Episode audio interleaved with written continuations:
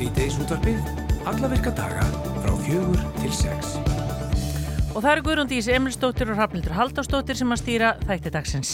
Grindvíkingurinn Sigriður Marja Eithórsdóttir Hún skrifaði harðorðan pistil sem að byrtist á vísi í vikunni. Pistilinn fjallaði um tvöfaldar hörmungar grindvikinga og skrifar Sigriður þar um falsörlætis tilbóð bankana um að frista húsnæðislán grindvikinga sem hún segir gagsæja blekkingu til þess að nýta sér hörmungar sem að nú dinja yfir heilt sveitafélag. Sigriður Marja ætlar að koma til okkar í síðdegisútapið þá eftir. Já, Edda Sif Pind Aradóttir, frangatastýra Carpfix, hún er komin að lista uh, Time yfir 100 áhrifamestu viðskiptarleitóa á sviði lostasmála og þetta er í fyrsta sinn sem að tímaritið byrti þennan lista og uh, við ætlum auðvitað að ringi hana, ætlum sér ekki einhver staðar að halda upp á þetta, ég veit ekki hvað hún er en við heyrum í henni í þættinum. Ég hefði nú haldið að maður myndir halda upp á það að vera komin á svona lista. Sko þetta er ekki þúsund, Nei. þetta eru hundrað. Já. Já. Og okkar kona er þarna. Og líka á sviði loftlagsmála sem að eru mjög stór, þannig að ég myndi segja að þetta væri eitthvað til þess að já, vera glæður yfir. Uh, yfir helmingur allra vafferfélaga uh, hefur orðið fyrir áreitni eða ofbeldi í starfi á ferlinum eða 54% og hlutallega er herra hjá erlendu félagsfólki eða 60% og hún er hæst meðal kvenna á aldrinum 25-34 ára eða 67%. Þetta kemur allt saman fram í nýri könnun sem að Vaffer létt framkama meðal 30.000 félaga í september núna 2023 og við ætlum að ræða þessar sláandi niðurstöður við Ragnar Þór Ingólfsson, formann Vaffer á eftir. Þá svo hefjast jólinn í Hafnafjörð í dag og það er ekki setna vætna, við ætlum að ringja suður í Hafnafjörð, heyra í Rósu Guðbjörns bæjastjóra. Uh, Akureyra og Bergið Headspace hafa gert í sér aukna þjónustu við ungt fólk sem að fara stuðning og ráðgjöf, þróun á geðheilbriðistjónustu við ungt fólk þjónustu sem að byggja á snemtakri íhlugutun og ríkur vilji er til að taka höndu saman og mæta óskum ungs fólks á þessu svæði þarna og bæta þjónustuna. Já, en við ætlum að byrja á þessu. Velferðaráð Reykjavíkuborgar samþýtti í gær að ganga til samstarfs við samhjálp og það var gert í þeim tilgangi að hægt verði að lengja opnuntíma kaffestofu samhjálpar fyrir þá gesti sem að nýta neyðarskíli og hafa miklar og flóknar þjónustu þarfir. Og við erum konið samband við hann Ettu Jónsdóttur, hún er frangatastjóri samhjálpar, kontur sælablessuð. Komið sælar. Bara svona þau útskýrið þetta eins fyrir okkur, kaffistofa samhjálpar hefur uh, venjulega verið opinn er það ekki frá 10 til 2? Jú, hún hefur verið það undarfarin ár. Já, og hvað þýðir þessi breyting þá? Þessi breyting þýðir í raun og veru að, þetta er sem sagt í raun og veru tímabundi. Þetta er þá desember, janúar og februar, svona þessi köldustu mánuðir ásins. Og þetta kom nú svolítið upp í fyrra, það var náttúrulega mjög kaldur vetur og, og hérna, og uh, þetta var svona, já, þetta var svona þróast í raun og veru út í það að, að hérna, að við vorum beðinum að, að taka þetta að okkur núna. Mm. og hérna og þá erum við í raun og veru bara að hafa opið lengur þannig að þá þeir sem að eru hafa stiði gistiskilunum að þeir geti þá verið hjá okkur til svona um hálf fimm og þá hafa þeir tíma til að fara á gistiskilin sem eru opnuð klukkan fimm. Já, en ég menna uh, ráðið þið við það? Þetta eru þetta allt og margir sem að hérna hafa ekki í neitt skjóla að sækja á, á daginn. Ég menna, ræðu kaffestofan við þennan fjölda? Svo þetta er hérna uh, kannski ekki einn stór hópur eins og sko, uh, það er að segja gestirnir hjá okkur á kaffestofunni eru fleiri heldur en þessis. Mm. Það er orðið náttúrulega eins fjölbreyttar hópur sem stækir kaffestofuna. Þannig að þetta er, um, þetta er svona í raun og bara ákveðin hluti af hópnum sem þessi aukna opnun er, er fyrir. Og, og hérna þannig að þá eigum við alveg svona nokkur negin að geta að rúma þennan hóp og hérna, já, þannig að ég, ég myndi segja svariði já. Já, og þurfið að bæta við stöðugildum þarna eða hvernig er það?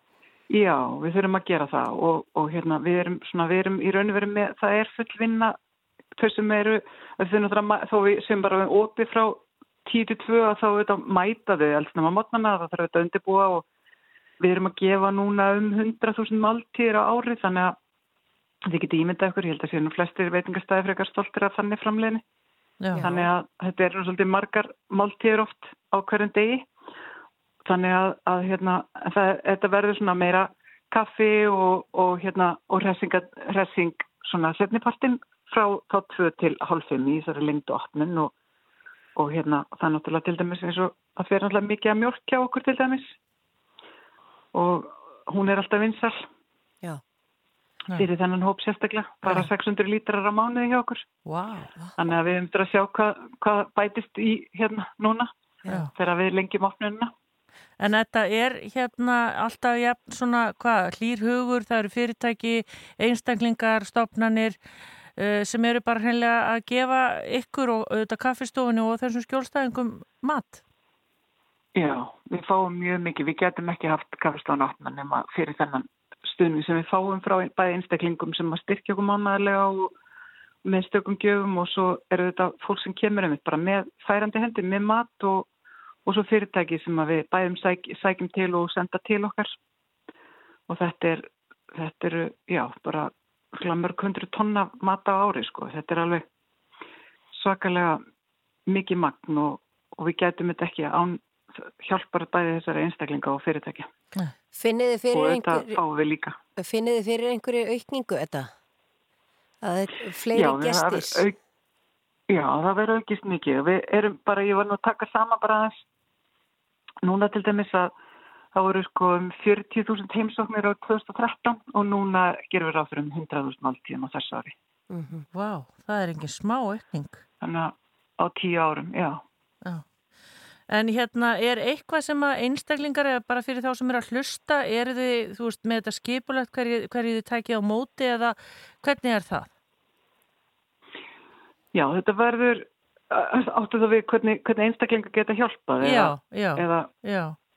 Já, við, við sko, hérna, við erum náttúrulega með sjálfbóðilega og það eru þetta í bóði ef að fólk vil hérna, vinna sjálfbóðinu þá er það, það alltaf dásanlegt og við fáum til dæmis fyrirtæki hópa sem koma að hjálpa okkur og, og svo eru einstaklingar sem koma og sumin mæta bara alveg á hverjum einstadegi og, og aðri svona sjálfnar og, en, en annars erum við þetta líka með bara starfsfólk hjá okkur og, og síðan eru einstaklingar að koma í með það til dæmis er mjög vinsalt það eru það nokkri sem að koma með heimabakað og það er alveg mjög vinsalt þegar það er Já. fljótt að hverfa þannig að ef það er einhverju sem að langa til að leggja hundapló og gefa hluta af jólabökturinu þá er það mjög vel segið. Mm -hmm. Og eru, þetta byrjar, þessi lengri opnun, það byrjar núna er það ekki fyrsta des? Jú, fyrsta des og, og til og með þá 29. februar, það sem hann nú hlaupa ár á næsta ári. Já, einmitt það. En þetta eru jákvæður og góða breytingar allavega fyrir þennan hóp sem við þurftum að horfa upp á að vera á, já, reynlega á götun í miklu frosti síðasta vettur. Já, við vonum það og það er nú einhvern veginn þannig með kaffstóna þó að það sé ekki mikið húsum og það er alltaf nóg hjartarum. Já, það er aðamálið. Þá segjum við bara til hamingi með þetta. Þetta Jónsdóttir, Svangatustur í Samhjálpar og bara gangi ykkur vel. Kæra þakkir.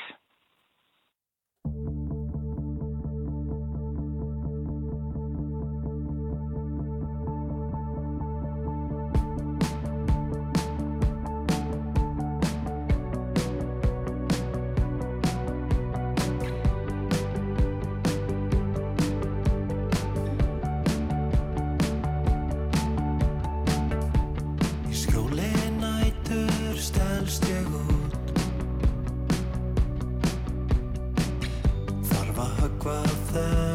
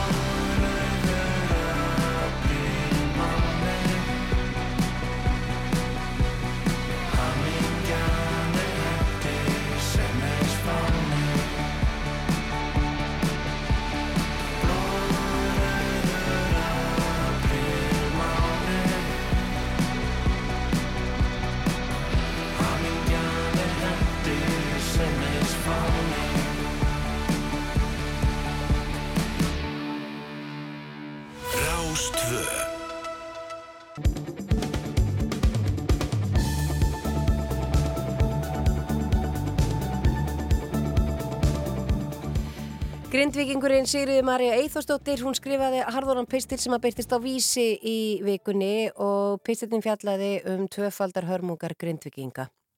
Og þarna skrifaði Sigriður um fals örlætis tilbá bankanum að frista húsnæðislán grindvikingar sem að hún segir eh, gagnsæja blekkingu til þess að nýta sér hörmungar sem að nú dinja yfir heilt sveitafélag. Og Sigriður Marja er hinga komin, velkomin. Já, þakka verið. Já, þú ert harðorð í þessum pistli, Sigriður, og tekur svo til að mynda dæmi af þínu eigin húsnæðisláni þannig að fólk átti sig á stöðinni. Já, já. Já, já, ég ger það. Þetta er bara staðrændir sem að við stöndum öll frammi fyrir sem erum þarna í Grindavík og ekki bara við heldur, bara samfélagi allt. Við erum öll að borga yfirgengilega vexti og sem hafa verið að hækka eins og allir vita og er að kæfa okkur og svo í ofanálag allar þetta bætast ofan á, ofan á okkur sem erum í þessum remmingum í dag og þetta er bara með öllu óásættanlegt. Segðu bara fyrir þá sem er ekki búin að lesa hérna greinaðina, aðeins bara hvernig þetta lítur út til dæmis bara hjá þér? Uh, mitt, mitt persónlega maður? Já. Já. Uh, það lítur þannig út að við hjónin, við kaupum okkur hús uh, hérna fyrir, hvað, tömur ár síðan með ágætis íbúði í bílskur þeim, í þeim tilgangi að leiði út frá okkur og hefum gert það og þá og við náttúrulega eins og við eins og allir aðrir við sjáum vextina hækka og hækka og hækka og hérna staðin er bara svo í dag að með með innkominni með húsalegunni þá eigum við valla afgang eins og margir í samfélaginu. Eigum valla afgang en höfum náð að standa undir okkar skuldbindingum gafvart okkar lánveitindum og uh, nú sjáum við fram á það að þetta gillibóð innan gesalappa eins og ég vil kalla það að uh, það munir raun endanlega slá okkur af. Við munum ekki geta staði undir, undir þessu og ég gerir mig grein fyrir og hef heyrt frá mörgum öðrum að sömu sögu er að segja marga í Grendavík. Þú talar hérna um það að þú setja að borga 420 skrónur í vexti á mánuði mm -hmm. og ef að lánið verður frist mm -hmm. og svo vextis falli aftan á láni og svo framvegis, mm -hmm. þá mhm. talar um það að segjum að þetta var í eitt ár að þá uh, náttúrulega verður orðin stór skuldu og þetta búið að geta upp allt sem þú mögulega áttir í þessari eigg sem að þú tekur líka fram í, í pislirum að sé í augnablikinu verðlus. Já, já, þetta er rétt. Þetta er rétt. Ég, hérna, ég sé fram á það að, að ef að við myndum ganga að þessu, þessu bóði, að þá mun eign okkar í húsnæðinu rýrna um 5 miljónir og það munar um. Og staðan náttúrulega eins og hún er í dag er svo að það er engin leið fyrir okkur að selja þetta hús. Það er engin leið fyrir grindvikinga að losa sig undan fastegnunum og við höfum ekki tækifæri til að leysa okkur úr þessari klemur sem við erum komin í. Þannig að við erum komin í pattstöðu. Mm. Já, þú segir hérna líka að það er sástund að átt að segja því að það var í skári kostur að sjá eftir heimili sínu undir hraun eða ofan í gjótu en að sjá það standa heilt. Já, þetta er bara starrendin hjá okkur. Hjá öllum grindvikingum eða vel flestum. Já. Það er vika í dag síðan að hörmungunar fyrir, byrjuði fyrir alvöru, þannig að þetta er lengri tími sem þetta búið að ganga yfir. Mm. Er þú, trúir þú því að menn séu bara alveg á fullu að reyna að finna einhverja löst og það sé bara alls ekki allt komið í ljós, allar að lefa þeirra að vera vongóð eða, eða hvernig metur það? Áttu þá við í tengslum við... Já, bara eh, banka, lánastofnanir og aðra. Sko, ég held nú að öll kurl séu ekki komið til grafar og það er verið að vinna í málunum og við verðum að halda í þá von að þessu verði breytt. Við fáum aðra betri valkosti og uh, það, ég veit að það er verið að vinna í því. Það, það verkefli, ég veit að verkefliðsfélagið hefur verið að uh, ötulega starfa fyrir okkur og ganga á milli lánastofnuna og, og hérna, tala okkar máli við skulum vona að það ber eitthvað árangur. Já, það er einmitt nýfrétt hérna á Rúf uh, sem segir einmitt þetta að nýju stjættafélög hafa sendt frá sér þessa áskorun til lánastofnana um að veita grindvikingum fullt greiðslulli af lánum vegna þessara náttúruhamfara. Vel gert, Já. vel gert. Við byrjum eftir þessu. En Sigurður, bara segja okkur hans að því að ég meina það er ekki nokkuð leið fyrir okkur að setja okkur í ykkar spór. Þið sem að hana, eru komin, einhverjir eru komni með húsnaði sem það geta dvalið í, aðrir eru í algjöru óvissu, börn ekki komin í skóla og, og annars líkt. Það hlýtur að vera opbáslega þungt að vera síðan með já, fjárraksáökjur í ofunalag. Já, þungt. Já, það er bara Já, erfitt. sko, þungt og ekki þungt. Við náttúrulega stöndum frammi fyrir því sem samfélag í Grindavík að hver einasti einstaklingur er í sárum. Við erum öll á mismundi stigum áfallastreitu og við erum mörg okkar að velta fyrir okkur hvar við eigum að sofa í nótt eða í næstu viku. Hvar börninu okkar eiga að vera, hvort að við eigum hreinlega fyrir mat. Við horfum fram á það að við eigum ekki nöðsynjar. Ég á til dæmis persónlega, ég á ekki moppu til að þrýfa gólfið hjá mér. Uh, ég þarf að fara að retta því. en við, sagt, við erum á þessum stað í dag og að þurfa að díla við þetta í ofanálag er ómanneskilegt. Þetta er eitthvað sem við eigum ekki að þurfa að vera að berjast fyrir. Og enginn, við erum hér í miðjum hörmungum sem að hafa dunið yfir okkur, einu stærstu hörmungum sem hafa bara dunið yfir okkur síðastlegin ár. E, blessunalega höfum við ekki tapað mannslífum e, og við höfum vissulega séð mjög erfiða hluti gerast hérna okkar landi en aldrei að þessar stærðargaru áður og við þurfum að hafa eitthvað til að falla á og það er að koma bersinlega í ljós núna. Við þurfum að hafa reglu, regluverk í kringum það hvernig við ætlum að takast á við þessar uppkomur vegna þess að þetta er ekki í fyrsta skiptið eða síðasta. Mm -hmm.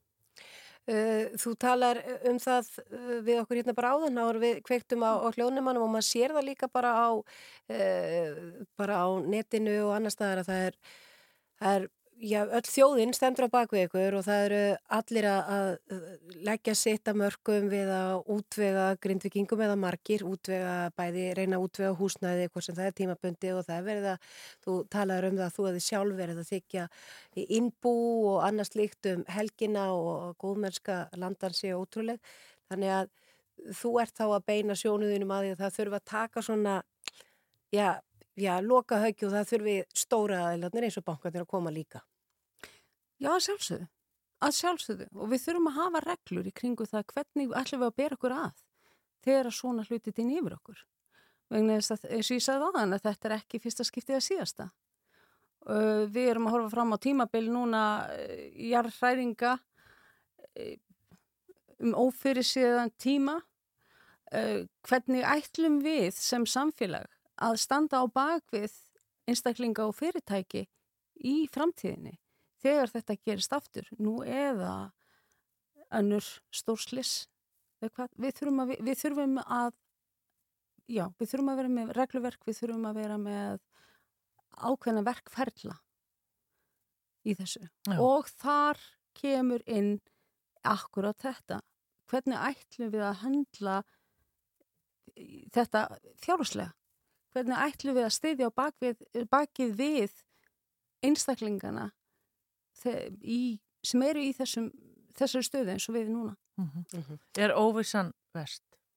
Núna? Já, óvissan er vest. Hún er það og ég held ég geti tala fyrir okkur öll í Grindavík. Uh, óvissan um svo margt.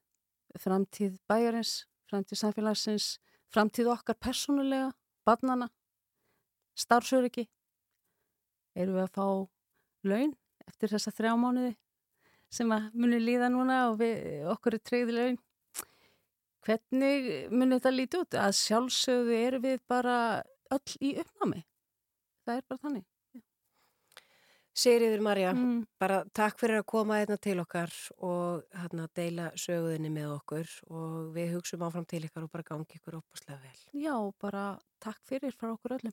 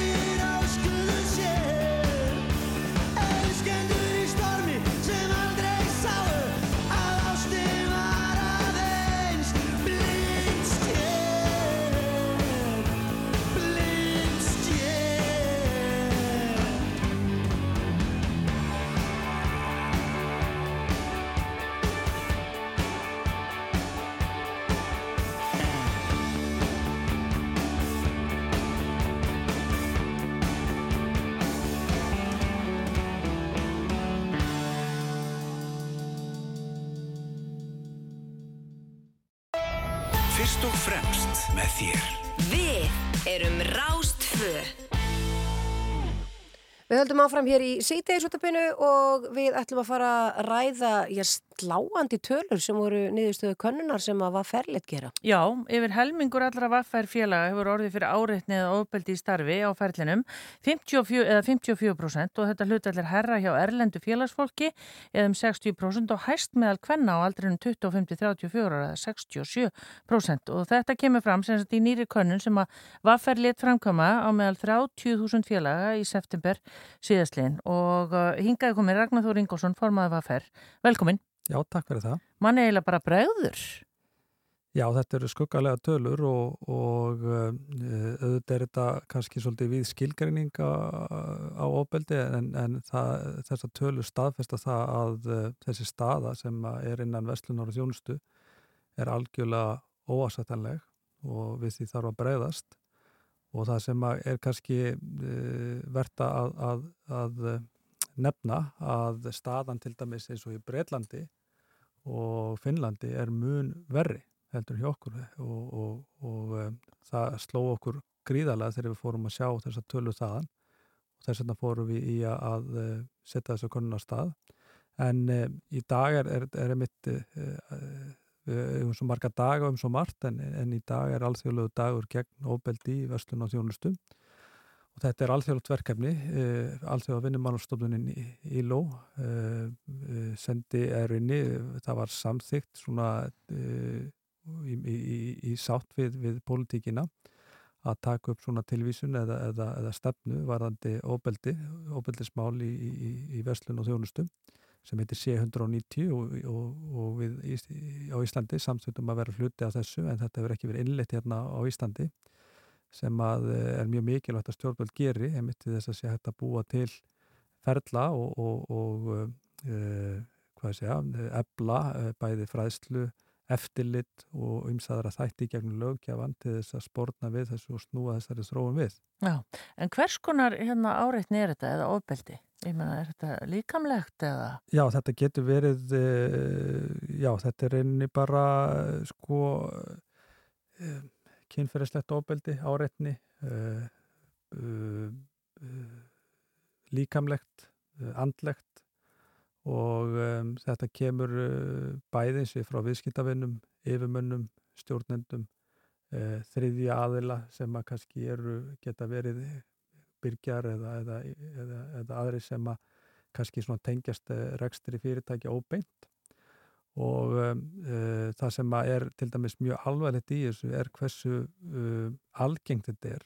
Og við fundum fyrir þessu til dæmis í heimsfaraldrinum þegar að vestluna fólk stóð hér framlínuna til þess að tryggja okkur aðganga að nöðsynavörum og lefjum og slíku að e, þá kom upp fjölmörg dæmi um mjög gróft, bæði andlegt og jafnveg líkamlegt óbeldi að hálfu viðskiptavina e, þegar að fólk var að reyna að gera sitt besta að fara eftir þeim reglum sem setta voru á þeim tíma og þetta verðist í miður ekki hafa lagast mikið og, og e, og til dæmis eins og uh, í konuninni kemur fram að uh, þá er spurt hvort að fólk hafa orðið til dæmis fyrir reglulega og ofbeldi síðan 12 mánuðina og þar er í rauninni bara alveg sláandi niðurstöður og þá erum við að tala um sko fjóru sinum eða oftar og þar eru um, já, uppundir hvað 8-9% vafferfélaga sem að svara því játandi sem er um 3600 manns. Við erum þó að konunin hafi bara nátið 30.000 að þá eru félagur okkar um 40.000 talsins í dag. Uh -huh.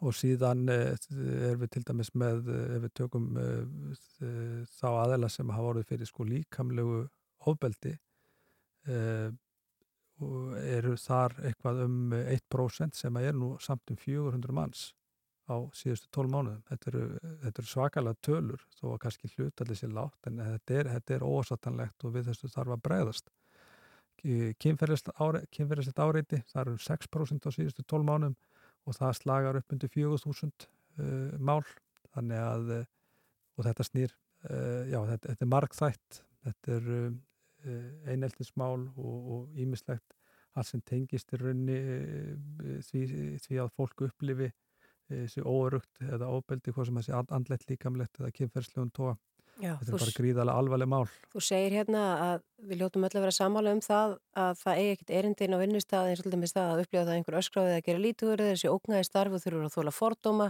og kynferðislega aðtúarsemtir eða árendi eða að vera hóta lífláti. Þetta, er þetta eitthvað sem var spurt um það og sem sagt í þessari könnun hvort að fólk hafi upplifað þetta?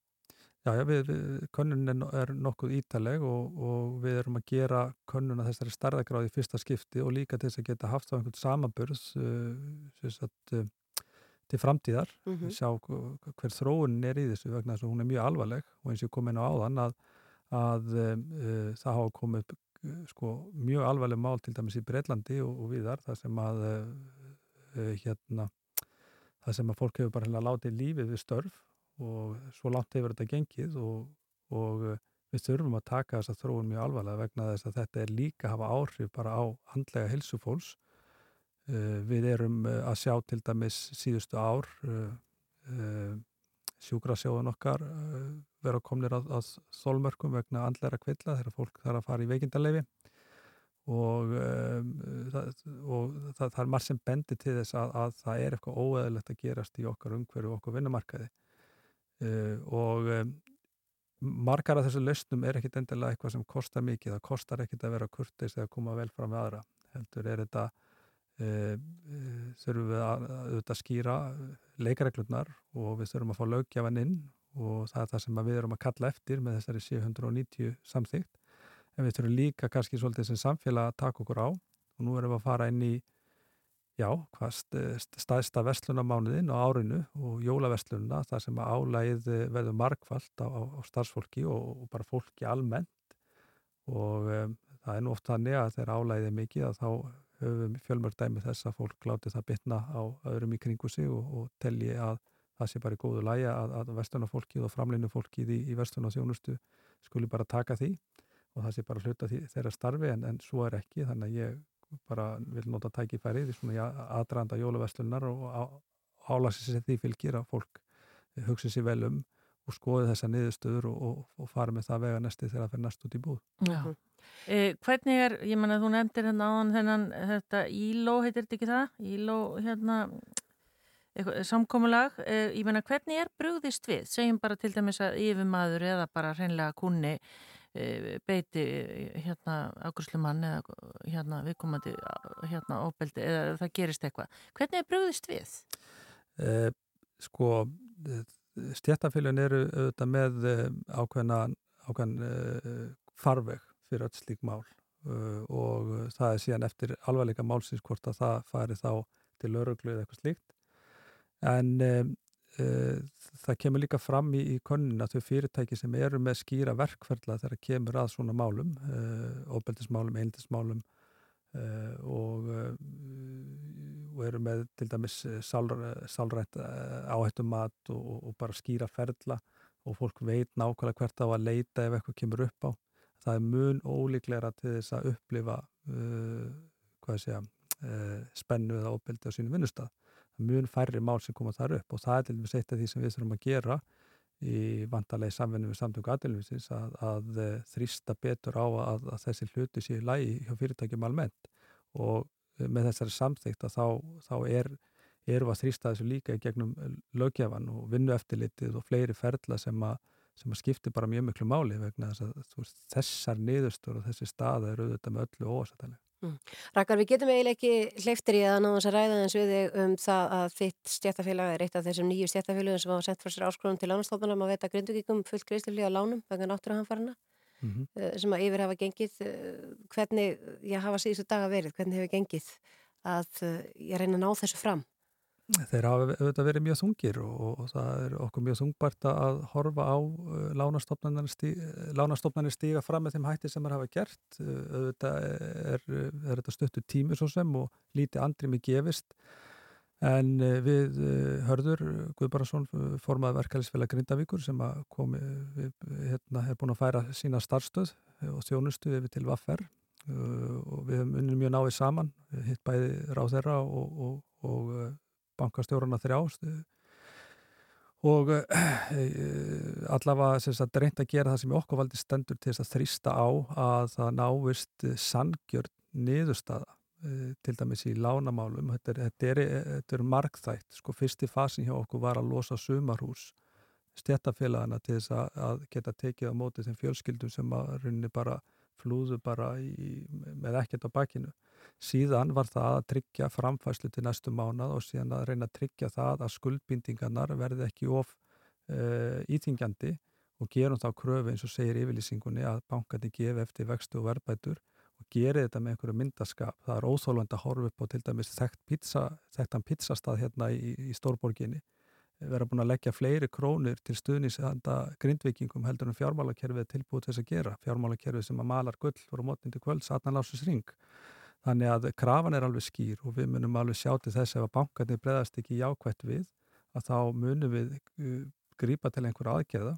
Stjórnvöld eru núna að, að uh, eftir samtal við okkur að leggja fram frumvarp til þess að tryggja framfæslu hliðina við hefum fundið með Sigurði Inga innveðar á í næstu viku til þess að svona eh, koma með hugmyndir og tillur og ræða samstarf eh, varandi húsnæðis uppbyggingun og húsnæðismálin ef allt verður á vestaveg. Við þurfum að vera við öllu búin og þetta er bara eins og mikil vinna.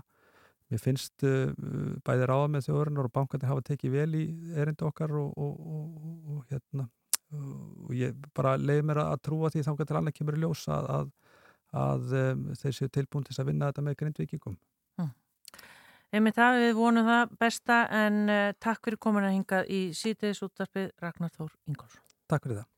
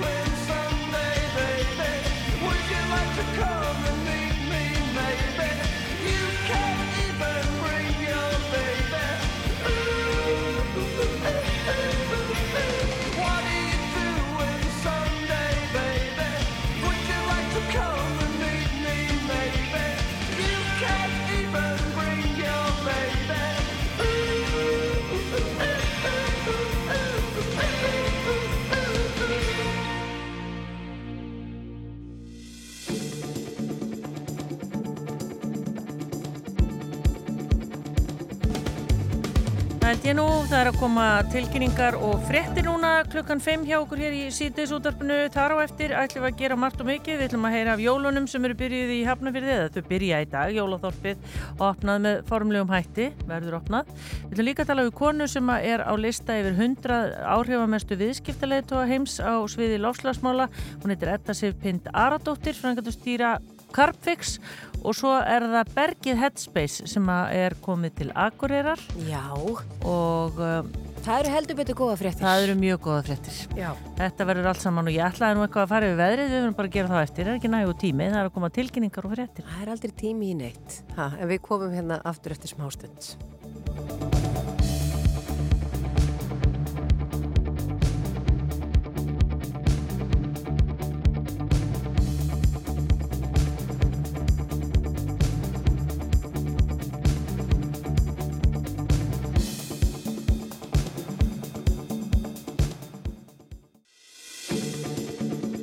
Þú ert að hlusta á síðdeis útvarpið á Rástvö.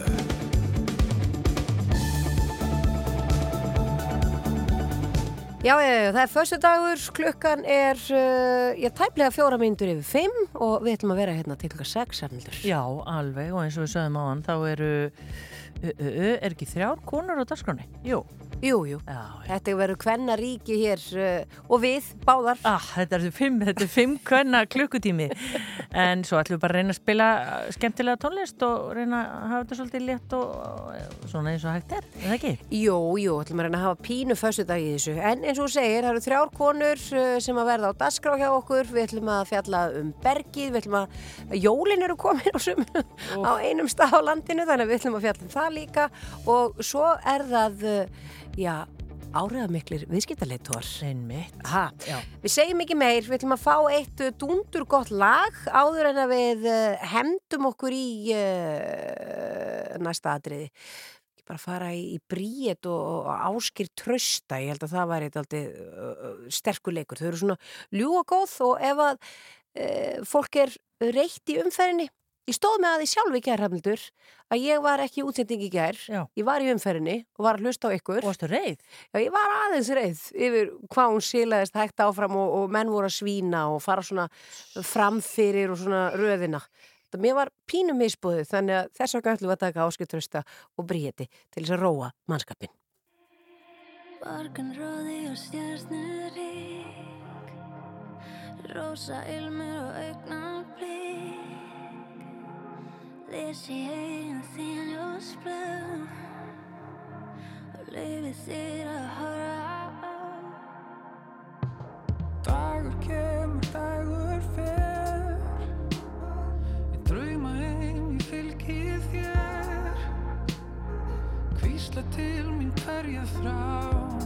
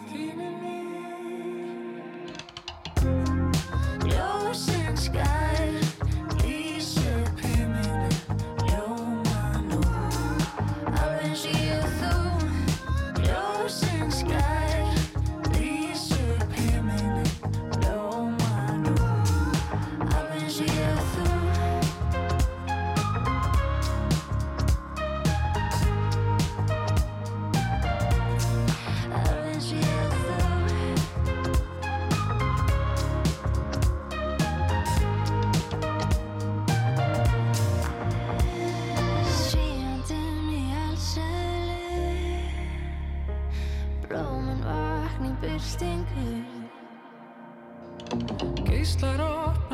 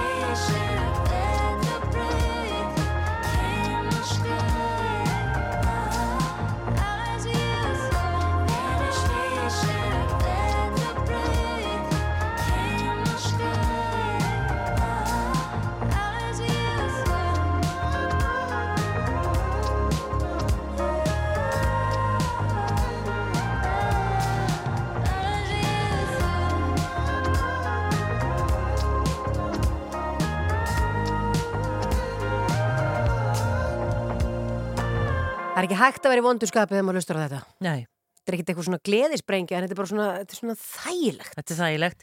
Edda Sif Pindaradóttir Frankundastýra Carpfix, hún er komin á lista Time yfir 100 áhrifamestu viðskiptaleðtoga á sviði lofslagsmála og tímariti gerði þennan lista eða byrtan í fyrsta sinn og uh, þetta er engin smá heiður. Edda er í símanum. Kondur sæl og blessuð. Sælublessið. Bara svona rétt að það stóð í þessari frétt sko að þetta sagt, uh, rittstjórar og fréttamenn Time fengur sagt, tilnefningar og meðmæli frá leiðtóum í yðnaði, samtökum að borði við Global Optimism og The B-Team, það er sem hún Halla er það ekki uh, vinnur, Halla okkar og svo og einhverjum fleirum, þannig að þetta er alveg þetta er alvöru lið sem að mælir með því að þú sért á þessu lista. Það lítur til það Já. og þetta er auðvitað mikið heiður. Já, bara hérna, hverju þakkar þetta? Þetta er auðvitað búið að vekja gríðarlega aðtegli og, og, og veit ekki bara nánast allir, eh, allir í heiminum hvað Carpfix stendur fyrir? Það er það útrúlega mörg í heiminum sem að vita hvað við erum að barndosa. Býtu það að koma aðeins tröflunanna, byrjuð aftur á þessari setningu. Ég sagði það vita allavega ótrúlega mörg hér og þar í heiminum hvaða er sem að, sem að við erum að barndúsa. Það kemur mér óvart þegar maður er að ferðalögum að hérna ólíklegustu aðilar hafa heist um okkur sem er auðvitað bara frábært. Já, En hverju þakka ég þetta? Um, auðvitað bara mínu frábæra samstarfsfólki. Hérna, ég kæmist nú ekki á hennar lista án, án frábæra hópsinn sem að vinna með mér hjá Carpex og, og bara eljunni sem að býr í hópnum við að halda áfram að brasa við að gera hluti í fyrsta skipti, búa til nýja tækni og, og, og hérna, sína fram á að eitthvað sé hægt sem hefur ekki verið gert áður um, til, til góða fyrir lofslæðið. já. og hvað er það margt fólk sem starfar hjá Carpfix? Við erum svona tæplega 50 núna. Við byrjuðum hérna 5 og auðvitað Carpex byrjaði sem bara hugmynd og og reynt vísenda verkefni sko 2006 í, í öflögu samstarfi orkuveitanar og háskólans uh, og erlendra aðila líka og þá, já, hana, það hafa mjög mörg komið að þróun tækninar og, og uppbyggingu verkefna allt frá, frá því að þetta var hugmynd og blaði en hjá fyrirtækinu starfa í dag tæplega 50 manns. Já. Eru þið með, þið eru með hérna höfustöðar, eru þær á helliseiða? Hvernig er því háttað? Nei, höfustöðnar eru í Reykjavík, hérna, við erum á, á Höðabakka, en, en helliseiði, þar eru við þetta með hérna, verkefni sem hefur verið í rekstri, niðurdalingar sem hefur verið í rekstri hvað lengst frá 2014 og það er þá í samstarfi við orkunátturunar sem er á og rekur virkinina. Já. Þetta, Svo, en svo erum við að byggja upp verkefni á víðari stöðu með þetta. Já, þetta þú ert á þessum lista yfir 100 ári á mestu viðskiptalítu heims. Eru einhverjir aðrir á þessum lista sem að þú ert svona, já, verður alveg bara numin, frá því numin þú heyrir að þú sést á lista með þessum aðilum? Já, ég menna þarna er náttúrulega hérna, sumir af, af kannski fremstu leiðtum heims, þannig að já, auðvitað. Hérna, þetta, er þetta hérna, óneitanlega, þá svona já, ok, og hérna kveiknuð alveg þannig tilfinningar svona þegar ég, þegar ég skimaði yfir listan. Já. En það er líka bara gaman að þegar það verið að taka saman svona lista þá sé hort til sko ólíkra flokka eins og við erum, eða ég er þarna í nýsköpunarflokknum.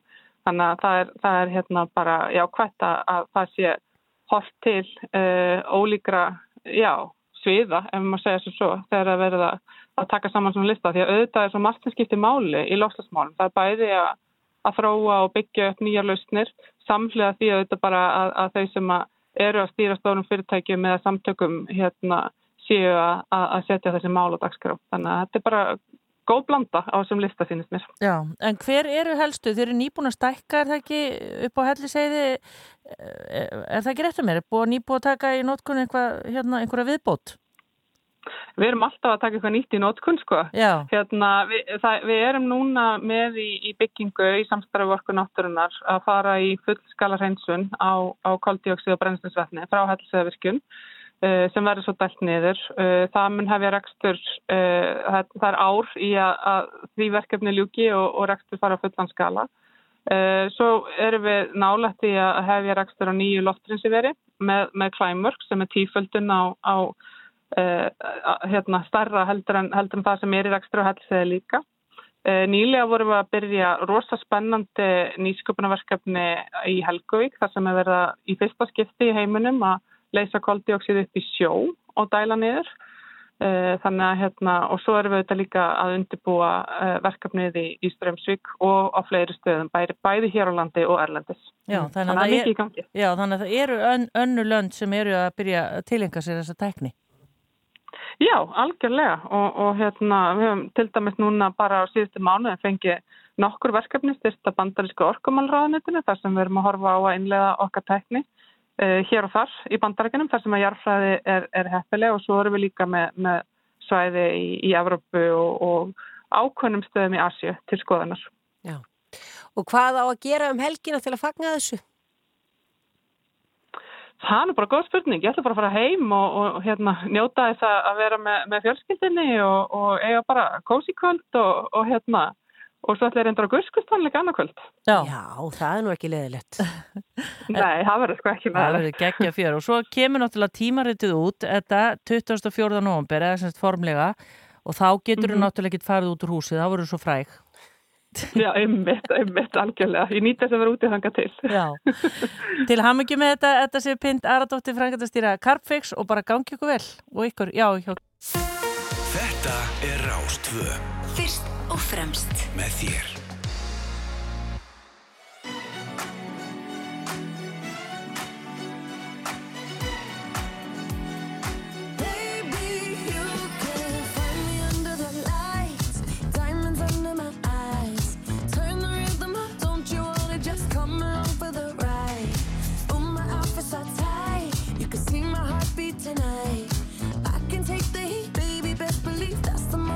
Shine. 'Cause every romance shakes and it bends, don't give a damn.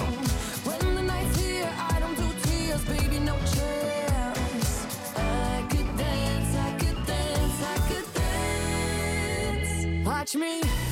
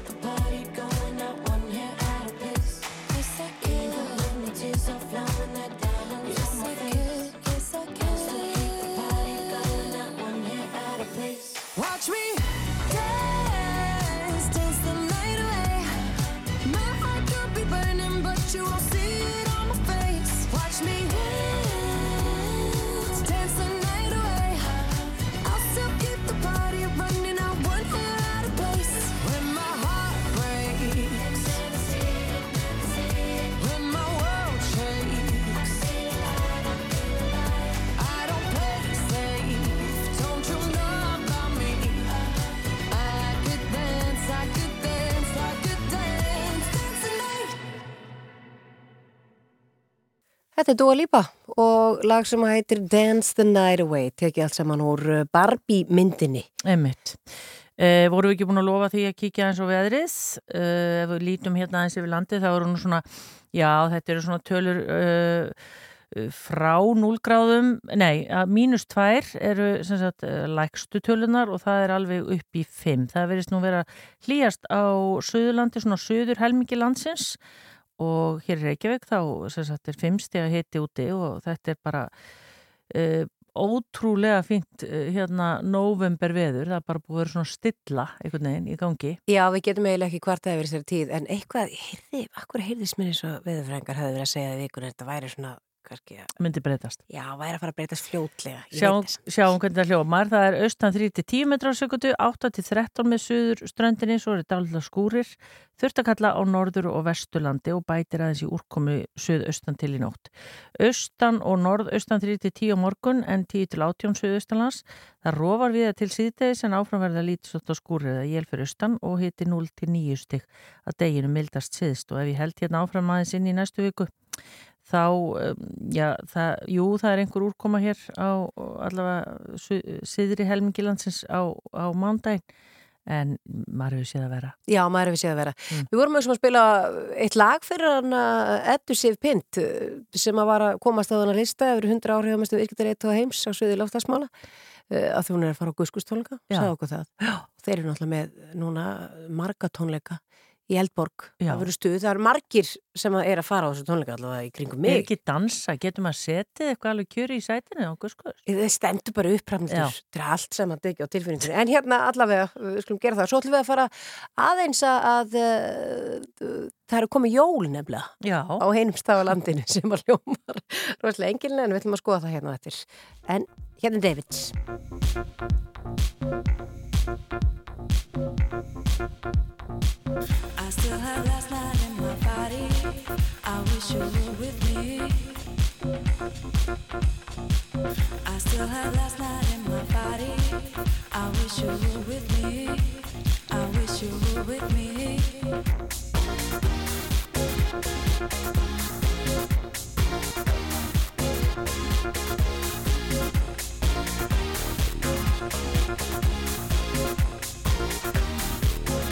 we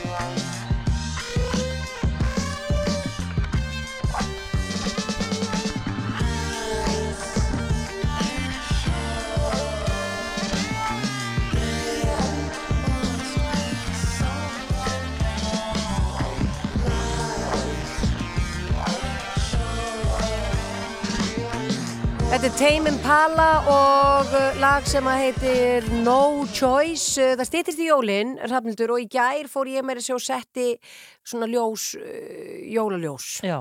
Ljós, jólaljós. Ég get sett að það hvít hlý upp í, í örfáglugga, svona til þess að draga aðeins úr þessu skamdegi. Já, einmitt, en það er ekkert verið að býða eftir neinu í hafnafyrði því að það er bara verið að, hvað ég var að segja, kveikja á, á jólaþorpinu, ekki satt, Rósa Guðbergsdóttir, bæjastöri? Jú, svo sannlega og það er sko ekki verið að býða eftir neinu ég tek undir með ykkur að það er mikilvægt einmitt í, í myrkrinu sem núna er að, að nota þessi mildu fallegu jólaljós eh, bara sem fyrst og við höfum ákveðið að gera það í Hafnarfyrði og erum að fara að kveikja á e, jólatrénu í jólaþorpunu núna klukkan 6, dagskrá hefst klukkan 6. En margir Og segja nú þetta er sé of snemt, Rósa. Nei, ég fæ nefnilega alveg þveru frá mörgum allavega. Þetta fólki finnst þeim eitthvað gott að fá hérna, bara lengri tíma til þess að njóta aðventuna. Það er orðið svo mikið í bóði og mikið í gangi á aðventinu og, og fólk hefur einmitt verið að koma til mín dag og fagna því að einmitt að nú fáið það svona lengri bara tíma til þess að njóta alls þessa sem bóðir upp að það eru tónleikar og uppistand og skautar og, og eins og hjá okkur helliskerði og allt þetta sem að e, fólk vil njóta og þú þarf bara svolítið tíma til þess að, að, að hérna, geta svona kíkt á uh, hlutina á þess að verða eitthvað eh, bara svona í hugulegheitum og róliheitum þannig að við erum alveg, við gerðum þetta líka opnum líka uh, í fyrra svona uh, jólaþorpi á þessum tíma og því var bara mjög vel tekið og við hlökkum náttúrulega bara alveg svakalega til. Já, og svo eins og þú segir, það er mikið uh, í bóði og margar helgar fram á jólum sem að fólk er bara svona orðið upptekið, þannig að kannski gott að geta tekið fórskot og sælna þarna, núna snemma. Já, líka bara þetta er svo skemmtilegu tími. Þetta er svo, og það er orðið svo, sko, aðvendan er ekki síður tími til þess að njóta með vinum og sínu nánustu og, og svona hafa það kósi og svo koma bara jólin eins og þau eru í allir sinni dýr. En aðvendan er svo skemmtilegu tími til þess að njóta og við höfum verið einmitt að undanfæra nári hafna fyrir að að byggja upp einmitt þessa stemningu í bænum okkar sem að hefur bara gengið vel. Jólaþorpið fagnar 20 ára ammali í ár og það stendur svo sannlega fyrir sínu.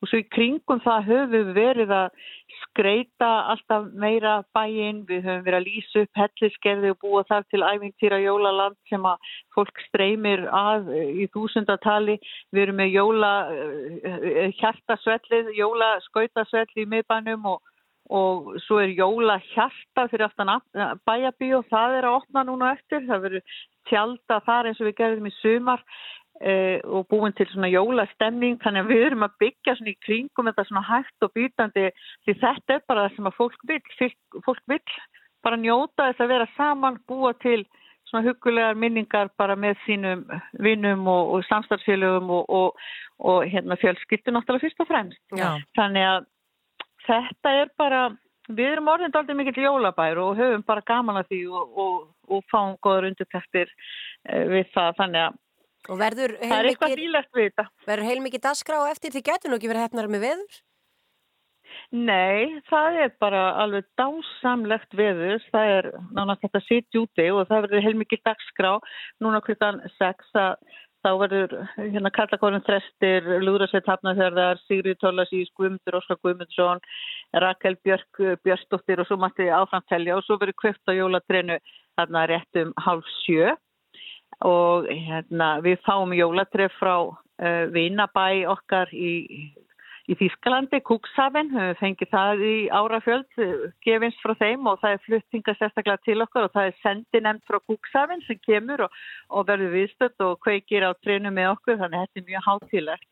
En mér langar líka eins að vekja aðtikla og við erum, að, erum alltaf að reyna að bæta við eins og ég voru að segja, auka skreitingarnar í bænum og alltaf að gera fallir og fallir að koma upp hjörtum og svona það sem að, eins og fólk hefur tekið eftir. Núna erum við með nýjungi jólaþorpinu, við erum að Það er verið að setja upp uh, stór gróðurhús, uh, eitt sem opnar núna í dag og annað í næstu viku, sem að verða nokkus konar viðbyrða hús. Þetta eru, e, þetta eru 15 eða 18 fermetra hús hvort fyrir sig og það er hægt að fara inn í þau og það verða viðburðir í þeim svona sem verða auglisti sérstaklega hverju sinni og sem, það sem verður áhersla á svona sælkeran í okkur. Við getum, þarna verður, verða veitingamenn að, að, að gefa fólki að smakka og, og, og svona hægt að hafa svona virkilega huggulegt inn í þessum jóla uh, glerhúsum. Já, já, gaman að er heyra. Já, gaman að heyra jólinn að koma í hafnafjörðin og bara, bara góða Já. skemmtun á eftir og bara í næstu vikurnar. Já, takk fyrir það. Við vonumst til að sjá sem flesta á eftir og svo bara á aðventunni, bara eins og áður. Bara takk Absolutt. hérlega fyrir. Takk, takk. Já, Já, bless. já, bless. Við getum nú ekki fyllt þessu eftirhæfnundu með jólalagi, það er ekki hægt að gera það. Nei, það er bannað hér á rást. Við mögum bara að spila eftir fyrsta, fyrsta DS. Já, en það hitt... Vil það ég syngi fyrir þig eitt? Þú gerir það kannski þetta baku tjöldinu. Við ætlum að hlusta á uh, nýjustu afur laufeyjar og hérna, uh, ég er svo lélega að segja þetta, Beba Dubi. Ég held að þetta sé... Já, finnst það virkilega flott. Var þetta ekki bara flott hjá mér? Já. Þetta er nú hugulegt.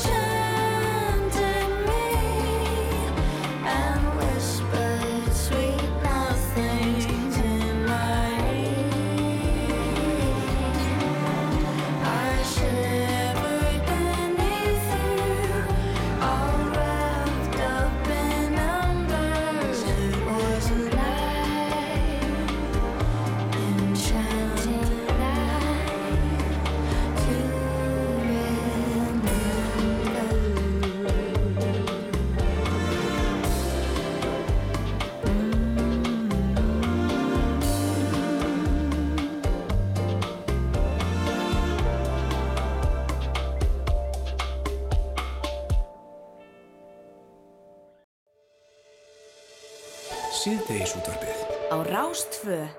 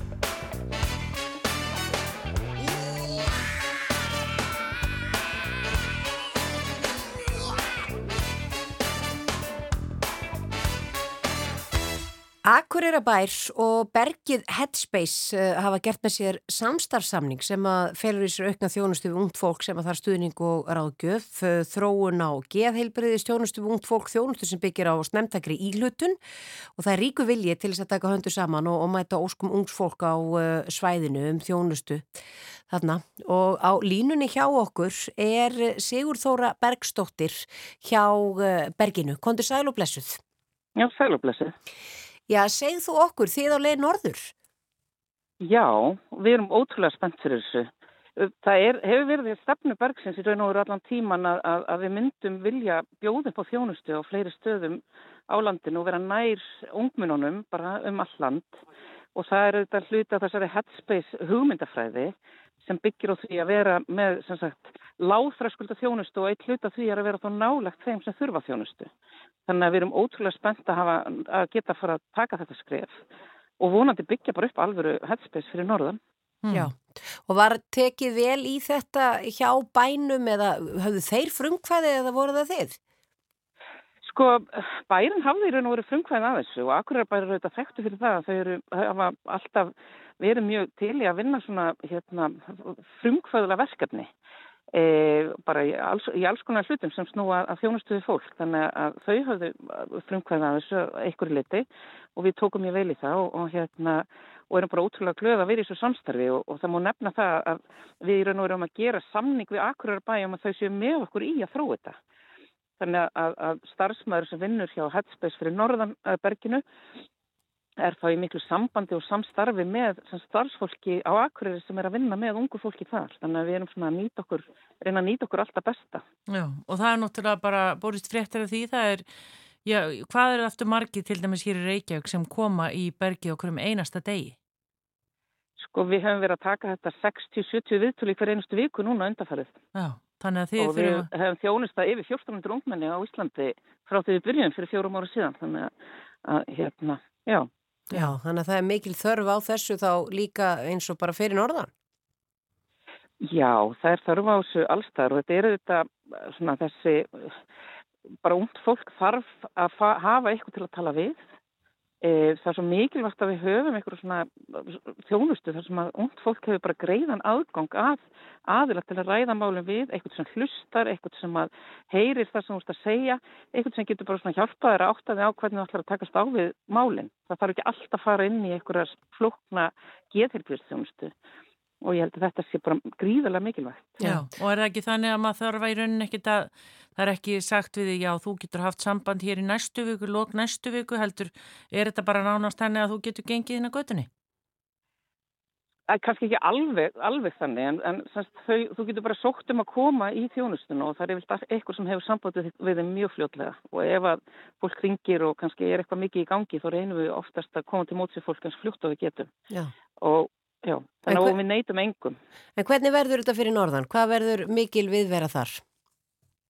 Sko til að byrja með þá gerum, erum við semst að auðvist eftir starfsmanni fyrir norðan til að vinna hjá okkur í 40% starfi til að byggja þetta upp og við gerum ráð fyrir að verði hugsanlega svona það sem samsvarar einum degi í viku í, í ráðgjöf um, og svo bara sjáum við til hvernig það, hvernig það svo þróast áfram. Já, og þú ert stöðt í Nóri, eru heims yfirráð hjá Berginu, er það leit út fyrir landstennina? Nei, sko, við erum í gríðarlega miklu samstarfi við hérna, okkar norrannu kollega sem eru með Headspace. Headspace var sko stofnað í Danmarku 2013 og þar eru þau með 31 Headspace stöðum allan Danmarku og þau eru að verða mjög, mjög mikilvægur hluti af þjónustu við ungt fólk í Danmarku og hafa verið að vinna sem sagt í tíu ár og núna hér í Nóri eru þau að byrja að fara stað, þau eru, að, þau eru með þrjár Headspace stöður í gangi og og er að opna tværi viðbútt þannig að það, það, þetta er svona við erum í raun og veru að lobbyjara fyrir því að, að, að ræðan það við stjórnvöld í öllum þessum löndum um hversu mikilvægt það er að bjóða upp á þessa tegunda þjónustu umt fólk.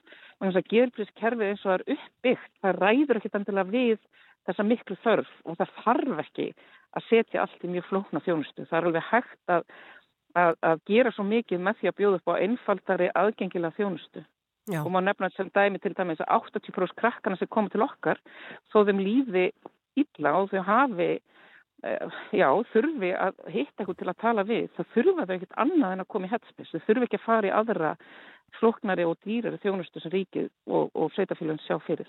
Nei, bara til hamingju með þetta Sigur Þóra Bergsdóttir og uh, Frankardur Bergsins og við hlökkum til að, fylgjast áfram með. Já, takk fyrir það.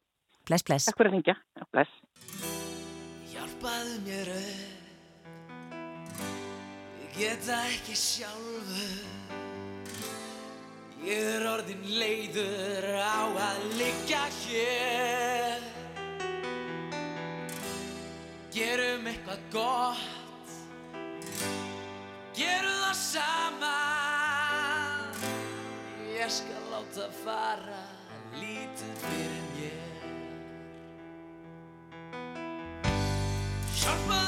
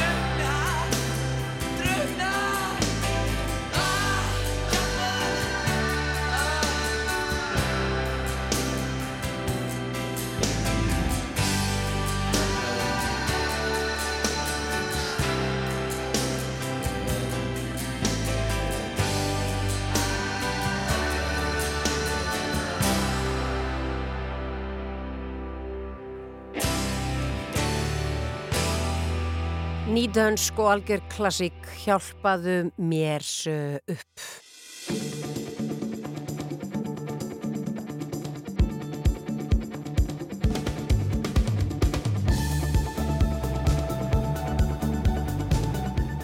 Það finnum að líða lokum hérna hjá okkur í síðdeis útvarpinu eitt og annað sem við erum búin að vera að bralla í dag, svona setni klukkutíman þá, uh, já, vorum við nú að reyna að spila bara svona létta föstudags uh, tónlist fengur líka að heyra í uh, uh, Eddu Sif Pind Aradóttur sem að gera sér lítið fyrir og komst á lista tímarisins tæm yfir 100 áhrifamestu viðskiptarleitu heims á sviði loftslagsmála Það er stórmerkilegt. Uh, vorum að leggja á hana Sigurþóru Bergsdóttur sem að var að segja okkur frá Berginu Headspace sem er komið með ástöðu fyrir Norðan líka á Akureyri og uh, svo var það hún Rósa Guðbergs að segja okkur frá Jólaþorpinu. Það er bara verið að kveika jólatrinu þar núna klukkan 6.